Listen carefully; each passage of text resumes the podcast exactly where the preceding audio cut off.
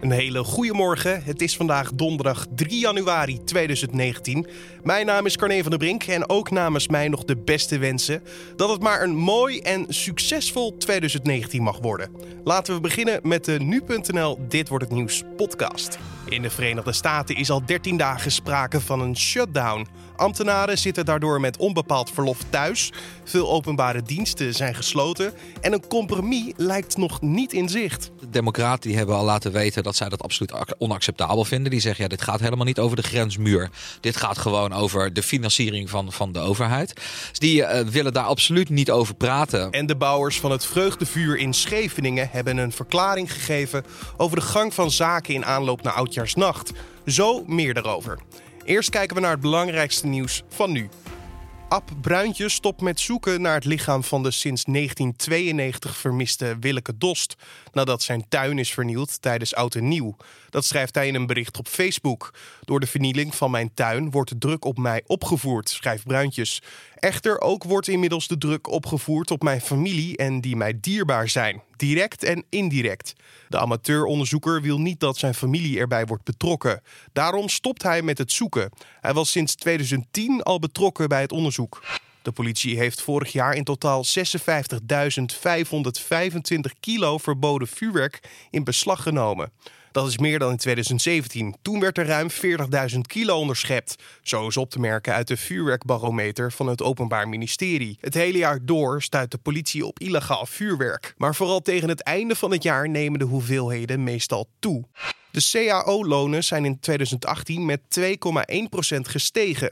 Zo meldt het Centraal Bureau voor de Statistiek vandaag. Het is de grootste stijging van de CAO-lonen sinds 2009. In het laatste kwartaal van 2018 stegen de CAO-lonen het hardst. De lonen stegen 2,3% en dat was de grootste kwartaalstijging van het afgelopen jaar. De politie is op zoek naar een persoon die meerdere keren op een gebouw in de Bergsingel in Rotterdam schoot. Er is niemand gewond geraakt. De politie laat op Twitter weten dat de schutter meerdere keren op een horecagelegenheid schoot en er daarna vandoor ging. Er was niemand aanwezig in het gebouw op het moment dat de verdachte begon te schieten. Agenten zijn momenteel bezig met het onderzoek. En dan kijken we naar de dag van vandaag, oftewel dit wordt het nieuws. In de Verenigde Staten is al 13 dagen sprake van een shutdown. Ambtenaren zitten daardoor met onbepaald verlof thuis. Veel openbare diensten zijn gesloten en een compromis lijkt nog niet in zicht. President Donald Trump en de leiders van de Democraten en de Republikeinen in het Huis van Afgevaardigden zijn er vannacht niet in geslaagd een akkoord te bereiken over de begroting en zo een einde te maken aan de shutdown. Collega Julien Dom hoor je in gesprek met nu.nl-redacteur Matthijs Lelou over de shutdown. Want wat is er nou wel en niet gesloten? Nou, het, uh, ze proberen om de essentiële overheidsdiensten om die uh, open te houden. Dan moet je bijvoorbeeld denken aan uh, het ministerie van Binnenlandse Zaken, dat soort dingen. die ambtenaren die worden niet betaald, die moeten gewoon doorwerken. In totaal zijn er ongeveer 800.000 ambtenaren die door deze shutdown zijn getroffen. Is nogal wat. Dat is nogal wat. een andere overheidsdiensten die niet als essentieel worden gezien. Zoals bijvoorbeeld eh, de mensen die in eh, nationale parken werken. Die eh, zijn gewoon naar huis gestuurd. Dat gaat om ongeveer 350.000 ambtenaren die te horen hebben gekregen. Jongens, we laten jullie wel weer weten als de overheid open gaat. Niet essentieel, maar de toeristen die, ja, die staan er gewoon voor een dichte deur te wachten. Dat klopt, ja, die kunnen dan niet naar binnen. Nou, als je een vakantie hebt geboekt, succes ermee. Laten we hopen dat het snel voorbij is. Daarover zo meer natuurlijk. Um, want het gaat allemaal om dat president Trump geld wil voor zijn grensmuur met Mexico. Maar het Amerikaanse congres gaat daar niet mee akkoord. Althans, met de budgettering. Hoe zit dat precies, Matthijs? Ah, het is in Amerika goed gebruik om, uh, uh, als je de overheidsfinanciering op orde wil brengen, als je het budget opstelt, om dan wat andere politieke zaken te laten meeliften met, met die wetsvoorstellen. in dit geval heeft president Trump die heeft, het afhankelijk gemaakt van de financiering van zijn grensmuur. Hij heeft in totaal naar schatting ongeveer 23 miljard dollar nodig voor die muur. Nou, dan wil hij nu een soort van voorschot van 5 miljard dollar wil hij, daarvoor hebben. En hij staat erop dat dat samen samen met uh, de begroting voor het komende jaar uh, meteen wordt geaccepteerd door het congres. Het wordt doorgestemd door het congres. Oftewel een alles of niets deal. Alles of niets. En zo niet, dan blijft de overheid wat hem betreft voorlopig gewoon dicht. Ehm, ja, dat is een, een beetje een lastige spagaat. De democraten die hebben al laten weten dat zij dat absoluut onacceptabel vinden. Die zeggen, ja, dit gaat helemaal niet over de grensmuur. Dit gaat gewoon over de financiering van, van de overheid. Dus die uh, willen daar absoluut niet over praten. Maar ja, zolang president Trump zijn poot stijf blijft houden. Hij is de man die uiteindelijk zijn handtekening onder nieuwe wetten moet zetten. Dus uh, ze hebben zijn handtekening wel nodig. En dan komen we bij een interessant punt. Want uh, vanaf vandaag, donderdag, is, of tenminste zijn de Democraten in de meerderheid. Maar gisteren, woensdag, waren de Republikeinen nog in de meerderheid in het congres. Uh, dan zou je denken, Trump, Republikein en congres, Republikeins die zouden toch tot een compromis moeten kunnen komen. Het probleem is dat je in de Senaat, eh, als je een nieuwe begroting wil aannemen, heb je 60% van de stemmen nodig. Dus van de 100 zetels moet je de 60 hebben. Ja, die hebben de Republikeinen gewoon niet. Want daar komt ook nog bij dat uh, binnen de Republikeinse partij is ook niet echt eenheid over, over dit gegeven. Heel veel uh, Republikeinen die vinden ook dat het een beetje raar is om die 5 miljard dollar voor die muur, om daar zo hard aan vast te houden.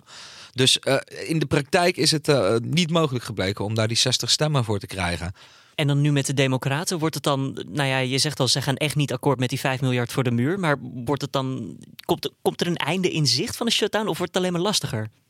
Voorlopig uh, zitten de dingen nog, uh, zit het allemaal nog heel erg op slot. De Democraten die hebben al gezegd: ja, we gaan uh, zodra wij beginnen vandaag, dan gaan we twee wetsvoorstellen indienen. Die de, de, ene helft van de federale overheid die wordt tot september gefinancierd daarmee. het ministerie van Binnenlandse Veiligheid wordt tot 8 februari gefinancierd. Nou ja, daarmee zou die shutdown dus voorbij zijn voorlopig. Ja, zij willen proberen om zoveel mogelijk Republikeinse congresleden mee te krijgen. Maar je blijft er tegenaan lopen dat president Trump uiteindelijk toch zijn uh, fiat zal moeten geven. Niet zijn veto gebruikt.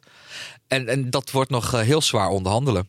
Dan hebben er natuurlijk ook een heleboel mensen last van de shutdown die niet eens bij dit soort plekken werken, maar gewoon de burgers zelf in de VS. Wat vinden die hiervan? Een shutdown die inmiddels al 13 dagen duurt. Ja, dat blijft natuurlijk een heel pijnlijk punt. Het is. Uh je zou kunnen zeggen dat het vrij beschamend is als de overheid van je land gewoon dicht gaat, omdat ze de financiering niet rond kunnen krijgen. Dus uh, politiek gezien is het ook altijd de vraag wie gaat de schuld krijgen van deze shutdown. Wie wordt daar door de Amerikaanse kiezer op afgerekend?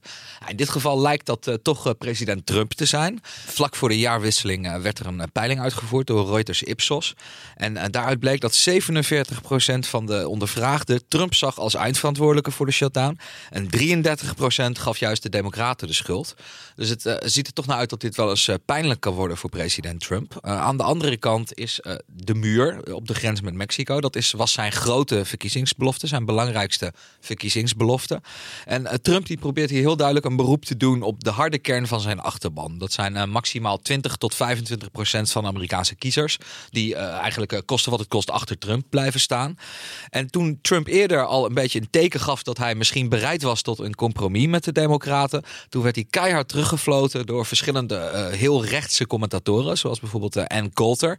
En die schreef een column uh, op de, de uh, rechtse nieuwssite Breitbart. Ja, met die column maakte Coulter heel duidelijk hoe zij erin staat. Want de kop van die column luidde... President zonder ruggengraat in een land zonder muur. Oeh, En ja. uh, daarin zei ze van ja, als Trump wil dat ik uh, zijn herverkiezingscampagne in 2020 steun... dan zal hij toch eerst meer moeten doen om die muren rond te krijgen. Verdeeld dus Amerika. Een verdeeld Amerika, inderdaad. En, en Trump die zit nu eigenlijk een beetje gevangen tussen zijn eigen achterban en, en de wat gematigdere kiezer. Zeg, uh, Matthijs, dit gebeurt allemaal in de VS. Ik zou willen zeggen only in de VS, maar dat is nou ook mijn vraag. Is zoiets mogelijk in bijvoorbeeld Nederland? Dat we hier een, een overheidssluiting hebben en dat gewoon publieke diensten dichtgaan? Of is zoiets ooit gebeurd in Nederland? Ik, ik kan me niet herinneren in ieder geval. Maar... Nee, nee, dat is uh, in ons systeem is dat, uh, ik, ik, ik, wil niet zeggen onmogelijk, maar het is wel heel erg moeilijk. Want, ja, dat ze aankomen met een miljardenbegroting of met een miljoenennota. Ja, sorry, maar jongens, gaat er niet doorheen hoor. Nee, nou, we hebben natuurlijk uh, afgelopen jaar hebben gezien dat het uh, moeilijk was om, uh, om de begroting rond te krijgen. Maar in zo'n geval, stel dat de partijen er niet uitkomen met elkaar, dan is er sprake van een soort voorzichtige begroting die wordt gemaakt. En dat betekent dat lopende zaken, daar wordt gewoon voor betaald. Maar er mogen geen dure nieuwe plannen worden geïntroduceerd.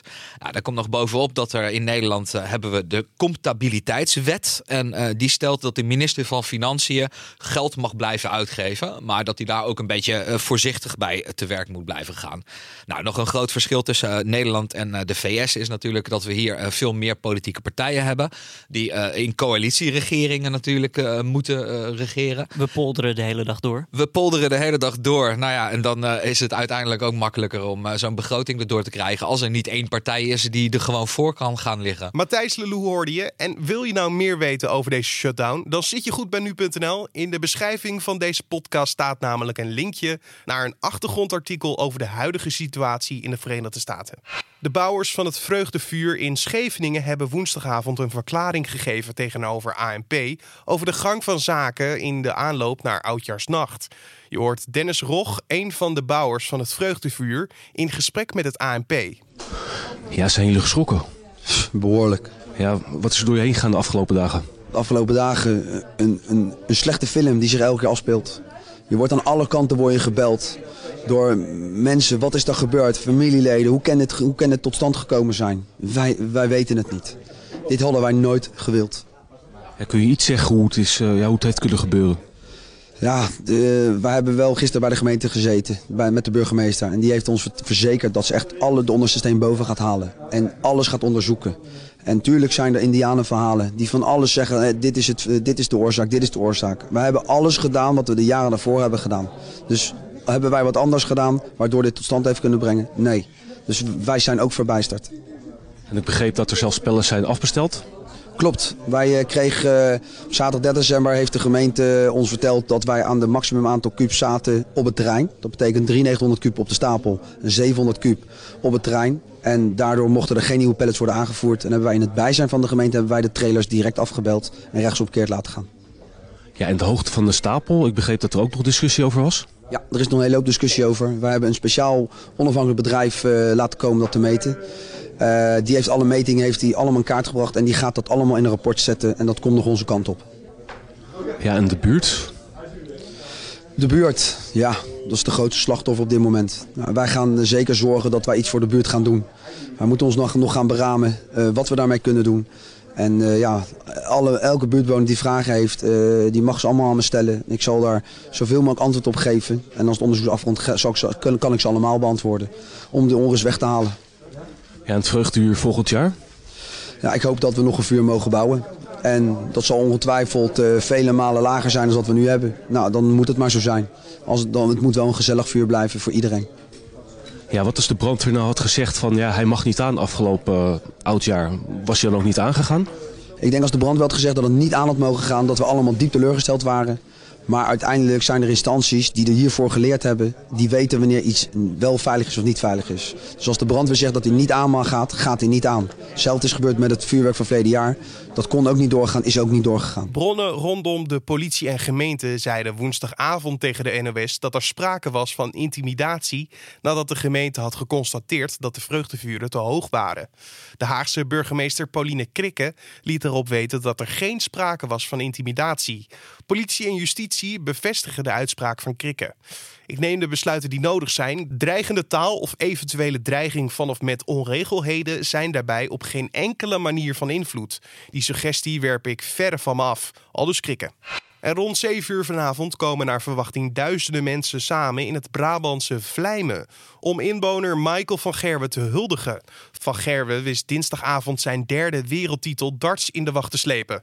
Hij won de finale op overtuigende wijze met 7-3 in sets van Engelsman Michael Smith. Zeehondencentrum Pieter Buren start vandaag een schoonmaakactie aan de Waddenzeekust nadat 270 zeecontainers overboord zijn geslagen. Een aantal containers zijn op diverse plaatsen in Nederland aan land gekomen. De komende dagen maakt het Zeehondencentrum de dijken schoon tussen Holwert en Lauwersoog. En dan nog even het weer. Vandaag wisselen wolken en zon elkaar af. Er kan dan ook nog een kleine bui vallen. Het wordt 4 tot 6 graden bij een matige wind uit het noorden. En om af te sluiten nog even dit. Netflix heeft een waarschuwing uitgegeven voor de zogenoemde Bird Box Challenge. Een online trend die is ontstaan naar aanleiding van de gelijknamige film die sinds enkele weken via de streamingdienst te zien is. In een Twitterbericht liet Netflix weten: Ik kan het niet geloven dat ik dit moet zeggen, maar verwond jezelf alsjeblieft niet met de Bird Box Challenge. De challenge daagt mensen uit om net als de hoofdpersonages in de film geblinddoekt rond te lopen. Op filmpjes en foto's is momenteel te zien hoe mensen geblinddoekt op straat hun weg proberen te vinden, geblinddoekte kinderen over elkaar heen buitelen geblinddoekt hun hond uitlaten. De film Bird Box gaat over een onzichtbare entiteit die op aarde verschijnt en met oogcontact mensen tot zelfmoord dwingt. Het enige wat er voor hoofdpersonage Mallory, gespeeld door actrice Sandra Bullock, op zit, is om geblinddoekt de weg naar veiligheid te vinden. Maar zoals Netflix al zegt, doe dit vooral thuis niet na. Dit was dan de Dit wordt het nieuws podcast voor deze donderdag 3 januari. Mijn eerste podcast voor 2019 en dat is altijd fijn om te kunnen zeggen. En ik weet dat wij een mooi jaar tegemoet gaan.